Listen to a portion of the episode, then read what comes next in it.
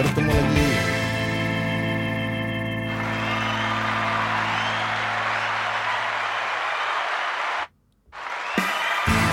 Welcome to this Bah Kingdom Bertemu lagi kita dalam episod pertama Keisbahan Welcome to this Bah Kingdom podcast kepada mereka yang mendengar uh, melalui Facebook ataupun uh, YouTube, Spotify dan sebagainya. So insyaallah kita akan uh, mulakan episod uh, podcast Isbah Kingdom ni. Jadi bertujuan uh, membincangkan perkara-perkara yang manfaat lah. So hari ni bersama saya uh, seorang anak muda. Tajuk kita ini tentang kerjaya tuan, cabaran kerjaya. Okay, so macam tuan apa boleh kenalkan diri sikit tuan? Okey, saya Amirul. Uh, umur 28 tahun Okay. dari Terengganu. So, saya dah bersama dengan Aziz Walter lebih kurang setahun lebih. Hmm. So, dah banyak pengalaman lah boleh cakap. Kena nyak ada kena nyak. Kena kenyak lah. Okay, so uh, sebenarnya kita nak nak start ni sebab kenapa saya nak bual dengan tuan ni? Sebab tuan adalah seorang uh, latar belakang pendidikan boleh share sikit. Okey, sebelum ni saya dalam bidang uh, engineering lah. Uh, so, sebelum ni saya, saya ada ambil degree dan juga uh, ijazah sarjana lah, uh, iaitu master. Master. Maksud SPM cemerlang ah. SPM uh, Eh. cemerlang jugalah. Berapa tu? Boleh beritahu?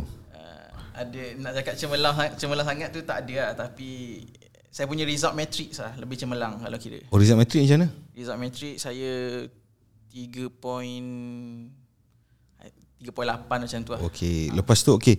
So proses dia macam mana tuan? Lepas matrik, lepas tu? So first SPM, Hmm. so lepas tu masuk matrix. Lepas masuk matrix uh, ambil degree, Hmm. lepas tu pergi ke master lah. Master engineering lah. Engineering. Okey, lepas tu apa jadi? So bagi saya uh, Maksudnya tuan tak teruskan uh, sebagai tak, saya tak teruskan sebagai engineer lah. sebab apa? Uh, okay. Pernah lah kerja? Okay, pernah lah. Saya pernah ada pengalaman uh, work as engineer. Hmm. So, bagi saya, benda yang kita nak buat ni, kalau boleh benda yang kita suka lah. Benda kita suka. Start dengan benda yang kita suka. So, bila kita buat benda tu, masa tu saya dah kerja dalam lebih kurang 180 hari. So, saya try, saya rasa uh, ni bukan jiwa lah. Saya Oh. rasa benda ni bukan yang saya nak buat sampai ke umur 60 tahun lah. Macam tu. Tapi masa maksudnya masa tuan belajar lu tak tahulah, tak tahu. Maksudnya okey. Saya suka belajar. Oh, tuan memang suka. Ha, saya suka belajar cari benda baru dalam engineering, baca buku engineering dan sebagainya. Hmm. Tapi bila part tu kerja, saya rasa benda tu tak ada grow untuk saya. Mungkin saya pergi company yang tak kena dengan diri saya. Hmm. Ha, saya rasa benda tu tak grow. Saya rasa sebab saya suka benda yang buat kerja yang kalau boleh nak buat benda tu ada progress. Ha, maksudnya kalau tiap-tiap hari buat benda sama, uh, so saya rasa benda tu tak grow lah. Tak Tuan bukan maksudnya dulu sebelum tu tuan kerja macam mana? Kerja jawatan apa? Saya Dengan menggunakan master tu. oh, mm, sebenarnya saya guna tu degree lah sebab uh. kebiasaannya jarang lah menggunakan master ni. Uh, kalau mela- melainkan kalau saya nak pergi, pergi ke uh, research lah. Hmm. Uh, tapi saya prefer untuk guna degree masa tu sebabnya dia engineer kan. Uh, So masa jadi engineer saya jadi equipment, equipment engineer. equipment ni, kerja kilang ah. Kilang lah. So tugasnya apa? Tugas dia more to monitoring equipment lah yang ada dalam tu. So dah kebiasaan dalam satu manufacturing punya kilang dia ada proses dia. So saya nak saya jaga part equipment yang nak memastikan proses tu berjalan lah. Uh, okay. Um, tuan dah habis belajar. Lepas tu tuan tak gunakan ilmu apa yang tuan belajar. Maksudnya tak menggunakan kelulusan tuan Betul. untuk teruskan kerjaya dalam hidup. Dari segi ke- keluarga pula macam mana? Okay. Ha. Alhamdulillah saya ada da- keluarga yang supportive lah. Daripada dulu lagi. Daripada dulu lagi saya ingat masa sebab kalau kita tak tengok kan trend Ha. kalau uh, masa saya sekolah menengah dulu mesti semua orang akan hantar anak dia pergi tuition. Ha. So saya dah bagi tahu mak saya uh, saya boleh buat tanpa tuition. Oh. So uh, saya punya mak okey je. Jenis ah tak apa lah, boleh je. Itu tuition semua saya tak mahu peduli. Sekarang ni saya tanya kejaya. Ah. Apa kepala bana? saya tak peduli. Tetamu ke saya hentak je. bukan ah, mak- Cuma fokus. bukan maksudnya ah, saya nak cakap flow flow flow uh. saya punya mak tu jenis tak kisah. Okay. Ah, okay, maksudnya kebiasaannya uh, parents kan atur hmm. pergi tuition kan kena ambil jurusan apa apa semua kan. Ah. Ah, okay, mak saya tu dah daripada awal macam tu.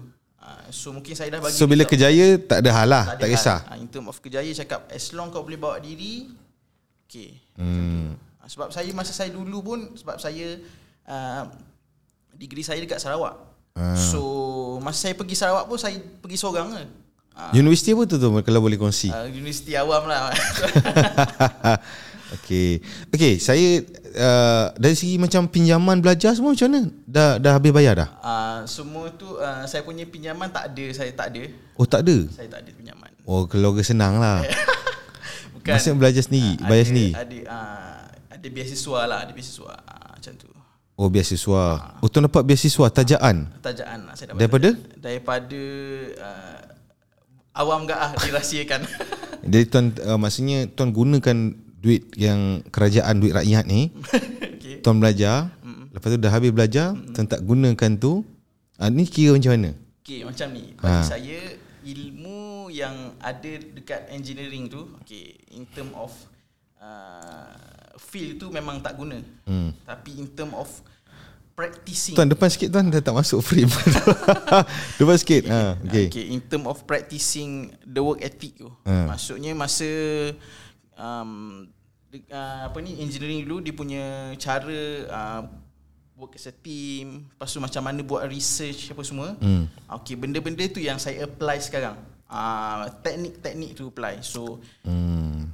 in future mungkin menggun- uh, menggunakan teknik-teknik ni kita boleh uh, create satu benda yang boleh saya cakap bagi uh, opportunity lah untuk Dari, dari okey dari segi saudara mara pula macam mana cabaran dia? Sebab kalau kita tengok dalam masyarakat kita, bila ada seseorang tu yang belajar tinggi, bila dia tak menggunakan kelayakan akademik dia, maka selalunya akan menjadi buah mulut masyarakat. Macam tuan sendiri ada adakah tuan lalui kalau boleh cerita?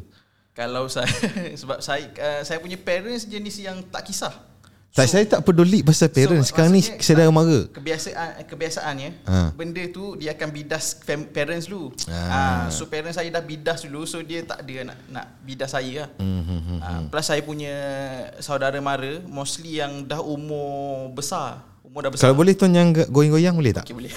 Sini sikit. Okey, baik. Sini. Ah. Okey, tapi tuan ke kiri sikit. Ah, okey. Okey. Alright. Ah, macam tu. Okey. Okey. So So maksudnya tak adalah. Okey, saya uh, okey. Kalau kita tengok dalam sebab tak bukan apa, saya sebab saya tak ada pengalaman belajar uh, di Menara Gading ni. Cuma kalau kita lihat, saya saya ni usahawan. So kalau saya lihat dalam uh, environment kawan-kawan saya, terutamanya mereka yang meniaga sekarang ni, cabaran dia nak dapat tenaga kerja di kalangan anak-anak muda sekarang ni sangat mencabar tuan. Okey, terutamanya macam kawan-kawan saya ada kenalan yang dalam uh, industri F&B untuk dapat pekerja ni memang susah tuan. Jadi tuan rasa sebab apa? Pergi mana pergi budak-budak muda sekarang ni? Sebab kalau saya saya uh, saya recall balik saat um, ketika saya punya zaman um, kita tak ada banyak choice lain lah kan uh, selalunya lepas habis belajar kalau tak sambung uh, universiti tu memang kena kerja lah kerja dan memang enyak lah kerja kedai makan ke kerja macam even saya pun start dengan kerja restoran pijahat kan Ah, So apa pandangan tuan? Macam kawan-kawan tuan sekarang ni yang belajar sama, adakah dia orang kerja dalam bidang yang dia orang belajar? Okay. Mostly saya punya kawan memang kerja dalam bidang lah. Ah. Tapi ada gak yang tak ber, mungkin tak diberi peluang hmm. tak dapat kerja dalam hmm. bidang tu dia pergi ambil uh, master. Hmm. Dia mungkin dia ada cakap nak pergi ke uh, jadi lecturer lah. Hmm. Pergi ke ruang untuk jadi lecturer. So tapi ada gak yang yang cakap uh, yang pilih untuk buat benda-benda dia dah kerja jadi engineer. Hmm. So mungkin masa tu dia kerja dengan company yang boleh cakap padu ke. Hmm. So, daripada income tu dia ada buat benda-benda yang more tu benda-benda trading, benda macam tu pun Oh ada investment. investment ada. Ha.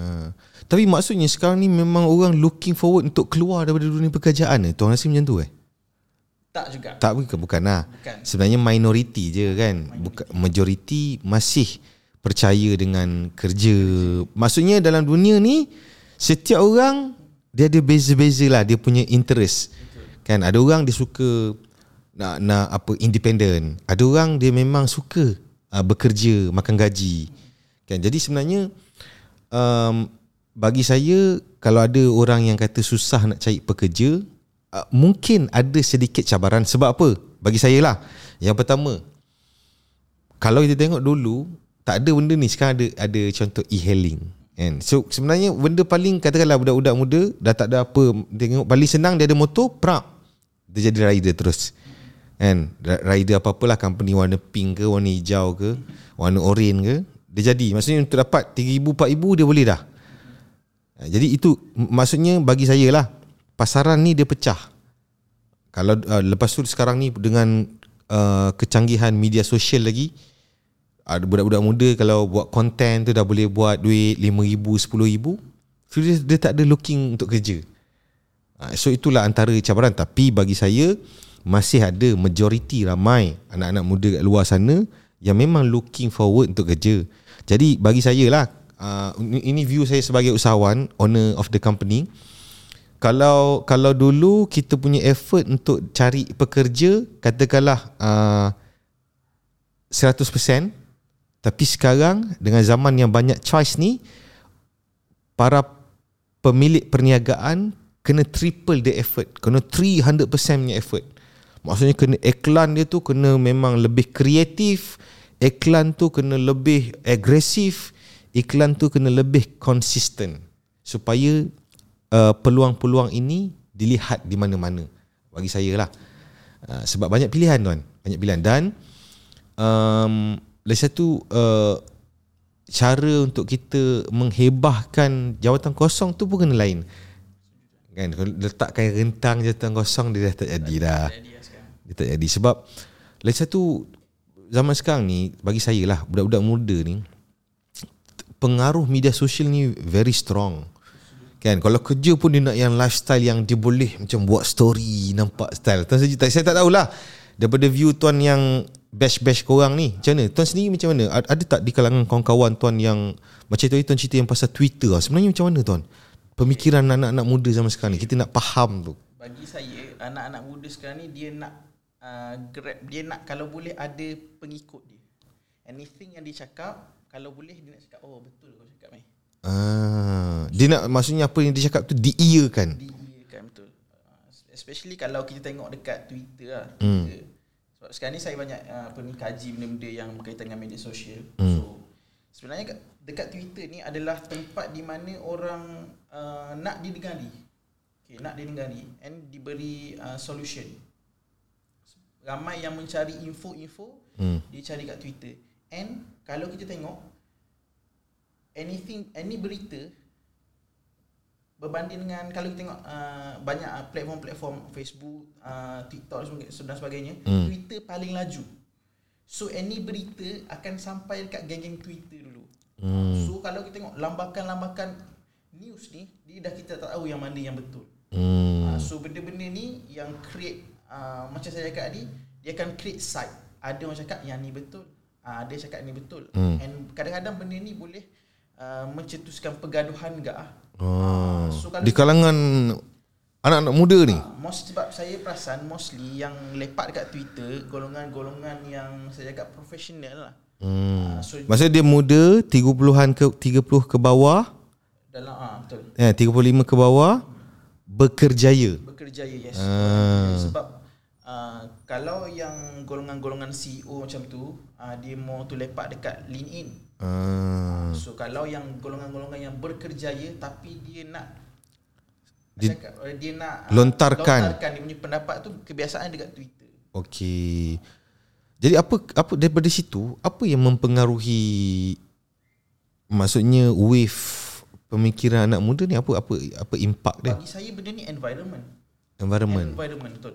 Kalau you tengok dekat uh, media sosial sekarang Hmm. uh, environment kalau beli sesuatu benda dia nak post Ah. Lepas tu kalau uh, nak uh, especially yang paling hangat lah antara saya rasa yang hangat pasal work life balance. Ah. So bagi saya uh, ni bagi saya punya opinion lah. Ah, masih sama lah. Tuan pun melontarkan pandangan lah. saya punya opinion lah. Sambil saya tulis lah. Okay. So bagi saya um, work life balance ni happen kalau orang tu dia punya life dengan work dia adalah satu-satu. Hmm. So kebiasaannya ni berlaku kepada orang profesional which is dia orang nak simple life. Kerja, dapat gaji, spend pergi vacation. Hmm. Uh, so maksudnya kerja kerja bila rehat rehat. Hmm. Uh, so uh, berbeza dengan orang yang macam uh, macam tuan tuan usahawan yang yang anggap pekerjaan semua setiap hari ni adalah life diri. Hmm. So kebiasaannya orang-orang yang uh, usahawan ni dia tak merasai work life balance ni. Hmm, hmm, And, tapi akan ada unsur judgemental lah. Oh. Uh, maksudnya kita akan orang yang usahawan akan nampak yang Ja- Dia akan mewujudkan perbandingan kehidupan. yes betul. Ah, betul betul. So even hari ni kita rekod ni hari Ahad 2.20 petang eh. So kita saya duduk dekat sini rekod video ni tak tahu siapa yang tengok siapa yang dengar. Okey tapi tapi bagi saya sebenarnya ada satu satu perkara mustahak lah saya rasa yang saya saya setuju je bab work life balance, bab uh, kejayaan ni adalah kehidupan semua pun okey. Tapi satu benda yang semua orang kena faham ialah setiap orang dia ada hak menentukan hidup dia. Ha, cuma saya tengok ada golongan yang apabila dia pilih satu prinsip hidup maka dia nak semua orang follow prinsip dia. Ha, ini yang berlaku pergaduhan sebenarnya. Sepatutnya kita kena ambil pendekatan macam mana tau. Kita ada prinsip hidup kita dan kita tengok prinsip hidup orang lain, kita hormati. Biarkan dia hidup cara dia, aku hidup cara aku. Yang penting janganlah marah orang tu kenapa kau hidup macam tu. Dia macam ni ya tuan. Tuan ada makanan favourite tuan. Contoh saya suka makan nasi ayam. Bila kita lepak minum, lepak kedai makan, saya order nasi ayam. Tapi tuan order canai. Saya tak nak. Saya nak tuan makan nasi ayam juga. Akhirnya tuan makan dalam keadaan tak best lah. Sama macam the whole life ni saya nampak benda ni lah. Semua orang kena kena harmoni lah pilih Raikan pendapat lah. uh, raikan orang lain punya cara hidup. Sebab contohlah macam kalau, kalau even view saya sebagai usahawan kan. Ada dalam masyarakat kita, bukan semualah segelintir yang bila dia nak buat rekrutmen, nak ajak orang-orang berniaga, dia akan memainkan unsur apa? Mem- memperkecilkan kejayaan orang tu. Sampai bila nak makan gaji? Sampai bila kerja sampai pukul 5? Betul tak? So dia, dia memperkecilkan kejayaan orang tu. Dengan eh, dengan harapan orang tu akan join dia. Sebenarnya itu satu perbuatan yang perbandingan yang tak tak okey sebab tak semua orang suka tuan tahu tak ada orang memang suka tuan. Dia hidup cukup apa adanya, boleh tengok anak-anak, boleh balik kampung. Dia dah okey dah ada ada kereta satu. Dia dah happy bagi dia. Ada orang dia rasa dia selagi mana dia tak capai impian dia dia keep on dia create baru punya impian, create baru. Itu ha- happy untuk dia. Semua orang tak sama sebenarnya. Sebab saya ada kawan yang Ha. dia ambil ke dia doktor lah, dia Ha. doktor. Dia tanya kat saya, Hmm. kerja kerja kerja je sampai bila nak kerja? Ha. Tak boleh tak sam- kerja nak cari duit tapi tak boleh nak spend masa untuk family. Ha. Mungkin ma- dia merasa ya masa tu mungkin masa tu dia DHO, Hmm. easy dan sebagainya. Hmm. So dia rasa benda tu tak nice lah And then saya ada kat uh, Baru pagi tadi saya ada bincang lah Bukan bincang lah macam uh, ber, okay, Bincang lah berteki sikit lah Hmm. uh, pendapat Sebab Saya ayah had saya kerja Hmm. And saya happy saya buat kerja Hmm. And then uh, Orang ni dia bagi tahu saya Pergilah cari good food ke Pergi keluar release tension ke apa semua Pergi tengok wayang ke Hmm. uh, Nanti hari Isnin kerja fresh Hmm. Saya kata kenapa nak kena hari Isnin fresh Hari hari-hari saya pergi bangun pagi saya stretching apa semua saya buat HIIT sekejap sikit hmm. dalam 15 minit saya rasa bangun tidur fresh okay je Hmm. and then saya pula rasa yang kalau saya pergi tengok wayang and then saya still ada kerja yang tak siap, Hmm. saya rasa benda tu, ish kenapa aku nak pergi tengok. Saya benda tu yang saya toxic, rasa toxic. Hmm. Ber, uh, maksudnya berbeza lah dengan keseronokan yang dirasa dengan saya rasa. Ah, ah. Maksudnya berbeza lah. Yes, seseorang tu berbeza. Berbeza. Ah. Jadi tak boleh dia dia tak boleh paksa. Betul. Dia boleh bagi ah, kalau aku aku macam ni. Engkau macam mana? Ah dia sebenarnya cara macam tu sebenarnya. Ah. Memang tak dinaf jadi ini yang kita kena faham sebenarnya dalam dalam dalam masyarakat sebenarnya. Kan akan ada orang yang di setiap manusia ni dia lain-lain tuan. Allah Azza wa Jalla jadikan kita punya kita punya jenis apa ni karakter kita apa yang kita suka semua lain lah kan Ah, cuma saya nampak okey lagi satu bila uh, apa ni orang panggil anjakan paradigma media sosial ni sekarang media sosial memang jadi first platform lah untuk semua benda kan betul tak TV saya saya kan? tak tahulah saya yakin even rumah saya pun tak ada TV lah saya yakin sekarang ni ramai orang yang rumah dia tak ada TV faham tak jadi the instrument entertainment, education, news kan ni semua prompt switch pergi media sosial. Kan? Dan memang ada data kajian menunjukkan uh, apa ni seorang uh, manusia sekarang ni tempoh dia spend masa dekat media sosial quite long tau. Eh, maksudnya dia dia dia need something apa tak tahu lah entertainment ke apa benda. Jadi bila dia ada exposure macam-macam orang bagi pandangan pendapat yang bahayanya ialah dia sedang mengatur hidup dia ni ikut acuan orang lain. Ini yang bahaya sebenarnya. Ah uh, tuan tak dinafikan tuan. Dalam masyarakat kita ni even sampai organisasi uh, keluarga kan uh, macam saya ada ada team yang mereka ini ada yang ada keluarga semua telah menjadi satu fenomena iaitu macam tuan nak cerita kan yang sekarang ni kalau apa ni couple-couple sekarang ni dia lebih kepada uh, kenapa tak bagi bunga? Ha, tengok orang ni dia tag kan dia tag orang ni. Dia ni bagi awet dia bunga dia ni bagi isteri dia sekian-sekian. Dia jadi perbandingan oh ini bahaya. Dan dan ini antara punca ramai orang stres. Faham tak? Ha. Sebab saya tengok memang mostly lah ramai yang dekat Twitter mostly uh, luahkan ha. benda yang benda ni luahkan. Anything diluahkan apa yang tak dapat alah uh, aku kerja macam ni macam mana nak beli benda ni? Ha. dan uh, lebih kurang macam itulah maksudnya Mula banding lah Banding kan? oh. uh, seronok lah. Dia tu uh, gaji besar. Hmm. aku ni degree aku pun aku tak boleh guna. So benda tu jadi macam dia downgrade diri dia sendiri. Hmm. Akhirnya Makin lama kan Perasaan tu Perasaan dia dah hilang Yakin dengan diri dia tau. Bahaya tu. Akhirnya Kesudahannya Akidah tu bahaya. Kebergantungan kepada Allah Azza wa Jalla. Rezeki Allah bagi Setiap orang ni tak sama. Dia, dah, dia jadi berkecamuk tau Bayangkan eh, Dan lagi problem Ya dulu-dulu Kalaupun kita ada kawan sebaya Kita tak tahu dia punya Rutin harian tuan. Tapi sekarang ni Kawan-kawan sebaya dah boleh tahu Orang lain punya rutin harian Dia buat apa. Dengan cara apa? Story WhatsApp Story Instagram. Dia tunjuk pergi sini Pergi sana Pergi sini Beli air minum ni. Kawan tu pula Dia hidup dia Tak ada apa-apa lagi. Tengok pula macam tu Ah jadi down. Itu je punca down Melihat kehidupan orang lain Saya ada ada tips lah Pada mereka yang menonton Atau dengar ni Si- Simple je Tak semua orang boleh handle benda ni dan kita tak boleh halang orang lain untuk post apa yang dia nak dalam hidup dia. Betul? Jadi, kalau kita rasa kita tengok kita ada tengok orang tu yang kita rasa kalau tengok je akan datang perasaan yang tak best.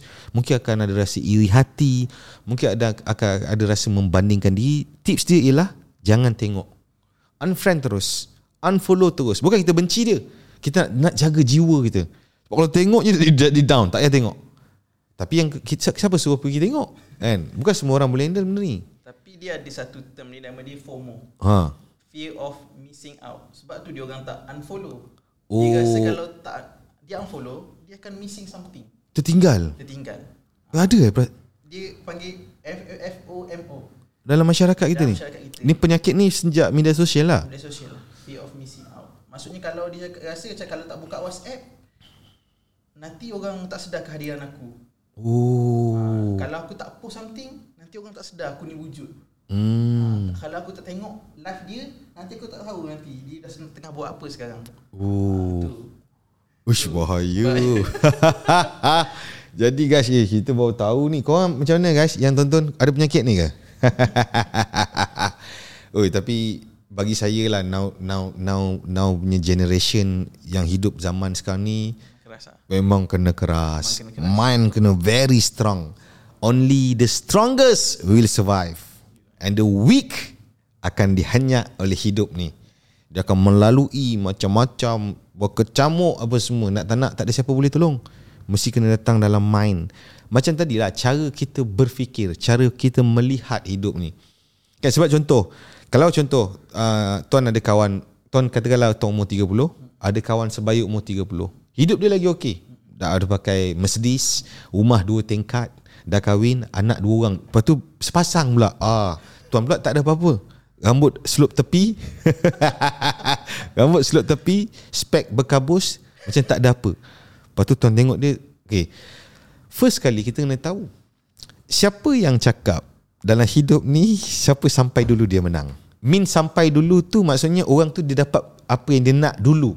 Siapa yang set benda ni? Tak ada siapa pun set. Kita yang set sendiri. Oh dia dah dapat dulu. Tak. Hidup ni tak ada kira macam tu. Kita kena lupakan ini bukan nombor lagi. Siapa nombor satu. Ini bukan dalam sekolah, dalam kelas. Siapa nombor satu. Tak. Life ni bukan siapa sampai dulu, siapa capai dulu. Life ni siapa yang meneruskan perjuangan hidup ni dan menambah baik diri dia hari ini daripada semalam. Orang yang sentiasa ada improvement dalam track dia sendiri. Ni track dia. Contoh ni Amirul, ini Bahrum. Betul? Ramai orang ni ni ini track dia. Dia pergi duduk tengok track tu. Dia stres lah. Sebenarnya dia kena tengok dulu aku kat belakang, sekarang dah sampai depan. Sekarang dah sampai depan. Dia tak perasan sebenarnya banyak progress sebenarnya.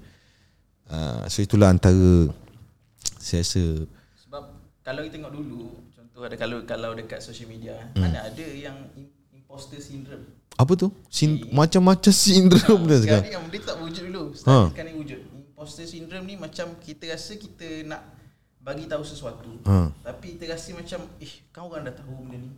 Kenapa aku nak kena bagi tahu? Ah. So anything yang dia nak buat and benda ni berlaku kalau orang yang baru nak start bina content, nak buat personal branding dekat social media, dia Hmm. rasa ish kau dah buat benda ni. Hmm. Ha, kenapa aku nak kena buat? So sebab tu dia rasa dia eh aku tak ada content, aku hidup aku tak best lah. Kenapa aku nak buat content? Aku tak ada kejayaan lagi apa semua. Ah. Hmm. Ha, macam tapi boleh gunalah yang apa ni cakap tips yang tuan bagi hari tu which is buat apa yang result hari tu. Maksudnya Ah. kalau as a business owner yang baru baru buka restoran tak ada kejayaan dalam restoran lagi tapi dia pandai masak buatlah video memasak Uh, uh, uh. Dia hari tu dia Ada result dia- kejayaan. Ada kejayaan Ha, ha. which is dia buat video masak yang sedap mungkin orang follow sebab tu. Uh-uh. Sebab kenapa kenapa kita nak kena cakap pasal benda yang kita dah buat? Sebab untuk mendapatkan satu orang kata apa ni satu pengaruh kan cakap yang berpengaruh dia mesti kena unsur dia ialah dia kena ada ada fakta betul ada proven result baru dia ada pengaruh. Jadi kalau seseorang budak tu even kalau dia hari ni dia baru belajar jual barang tepi jalan dia dapat close RM10 itulah kejayaan untuk dia. Dia kena ceritalah pasal hari ni dia meniaga dia close RM10 dia tak boleh lah cerita macam bisnes adalah sekian. Ah, dia tak tak dia tak, ah itu itu maksud saya. Bukan saya cakap Lu siapa Lu siapa kan? Lu tak payah buat konten Bukan saya downgrade orang tu. Saya nak bagi dia faham Tentang Apa yang sepatutnya Kita deliver? Apa yang not the time yet? Ha, so Itulah sebenarnya. Waduh penyakit tu ah Imposter syndrome. Imposter syndrome. Dia macam insecure lah eh. Macam dia- memang ben- benda Oh tu in- insecure lah. insecure, anxiety memang berlaku dalam kalangan uh, masyarakat sekarang ni. Especially yang umur millennial gen uh, gen Z dengan gen Y. Memang ada, masalah sebab dia rasa macam hidup dia ni saya boleh cakap eh start uh, tahun 2022 ni Ha. ada dua dua orang kenalan saya yang nak bunuh diri tau Innalillahi eh, yang, yang, yang memang dah bu- nak bunuh diri yang dah buat benda tu cuma orang dah sempat sedar so tak ada- kira tak ada uh, kira Tak berlaku tak berlaku kemalangan jiwa lah ha, hmm. tak ada ha. tapi benda tu dah buat disebabkan apa? Disebabkan anxiety. Hmm. Tu lah lebih kurang. Memang pengaruh media sosial ni memang Impak dia ha? Pak memang kuat. Tapi kepada yang yang dengar ataupun yang tonton hari ni bolehlah apa ni dapatkan tadi tu cara-cara kita melihat hidup ni. Dan lagi satu cara dia ialah kita kena adil menilai hidup ni. Kita kira katakanlah kiraan asas umat Muhammad sallallahu alaihi wasallam boleh hidup sampai umur 60 average dan kita boleh mati anytime. Okey. So katalah 40 tahun masih tak menjadi. Betul tak? Tak menjadi struggling tiba-tiba dan dia kena tahu 40 tahun dia ada dia ada peluang 20 tahun lagi. So bila dia nampak apa yang dah berlalu, so dia akan dia akan hukum diri dia, dia akan rasa kecewa. Jadi tips dia ialah kena selalu feed harapan and hope dalam mind kita. Harapan esok lebih baik. Tahun ni tak menjadi tak apa. Tahun depan akan jadi tahun yang lebih baik.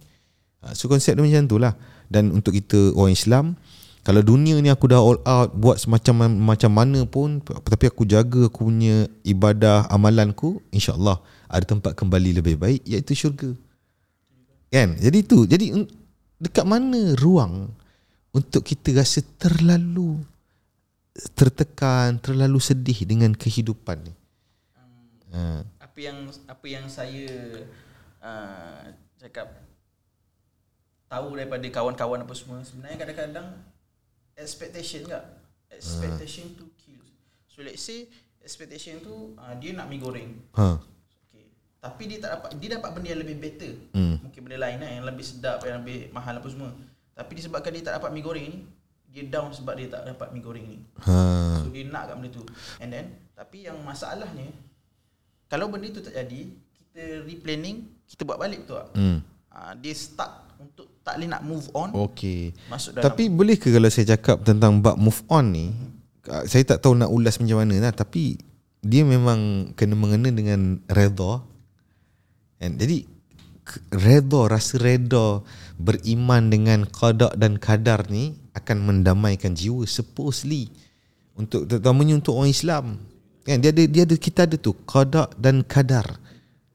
Saya nak kongsi sikit lah Ha. Hari tu saya scroll TikTok Ha. So saya ada tengok Pasal keratan Pasal budak-budak muda sekarang lah Pasal uh, tak boleh nak move on Apa semua kan Hmm.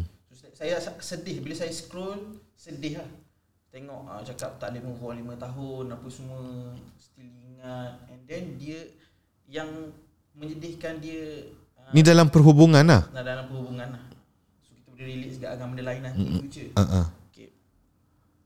maksudnya uh, cakap dia dia rasa yang orang yang move on ni adalah orang yang tak setia Ah. tak tahu datang mana so orang yang cepat move on ni uh, adalah orang yang tak setia Hmm. so tapi kalau kita tengok kita punya dari sudut agama yang gentleman ni adalah orang yang cepat move on maksud dia dia tak meratapi tu tak maksudnya dia bila satu benda tak berlaku no regret Jalan terus. jalan terus Hmm. tapi boleh saya cakap saya tengok and saya ada utarakan saya ada berbincang kat saya tanya pendapat apa semua kan Hmm. memang orang bash lah saya Hmm. So, bila saya cakap uh, gentleman memang kena setiap benda berlaku kita move on move on replanning Hmm. re-execute Hmm. replanning re- re-execute kan Hmm.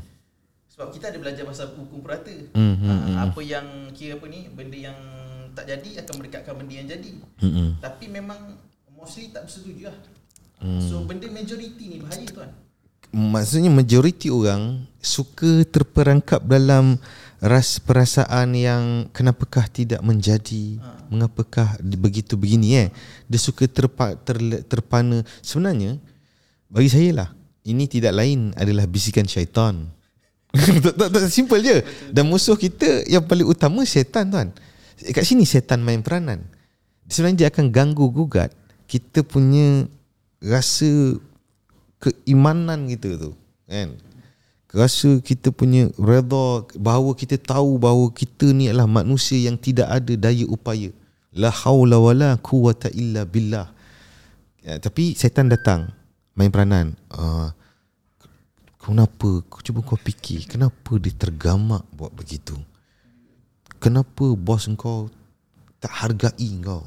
Setelah lama perjuangan kau. Ah mungkin dia datang rasa wah betul lah mak dia, dia terpana dalam perasaan tu. So dia blame. Akan datang perasaan membenci bermusuhan. Hati dia makin lama makin geram marah. Jadi setiap hari ni dia hidup dengan kemarahan. Tuan marah ni sakit tuan. Siapa yang marah dia sakit. Sebab sakit marah ni dia aura negatif betul tak? Ha. Memang kalau kita tengok yang uh, mostly memang macam tu dia cakap. Uh, kalau sedih dengarlah lagu-lagu sedih tu nak masuk dalam mood. Ha dia nak masuk. Masuk dalam mood. Sepatutnya tengah sedih tukar pergi dengar lagu Tupac dengan 50 Cent Eminem tukar tukar tukar pergi nak nak keluar supposedly nak kena keluar daripada dia simple dia start dengan ni problem solution. Tapi ramai orang problem dia fikir siapa punca problem ni? Bagaimanakah problem ini boleh terjadi? Apa punca-punca dia? Jadi dia tak prap solution. Dia akan menimbulkan banyak emosi drama yang tidak dan yang paling penting ialah satu perkara ni yang kita akan sambung di episod yang akan datang. Welcome to the Sebab Kingdom.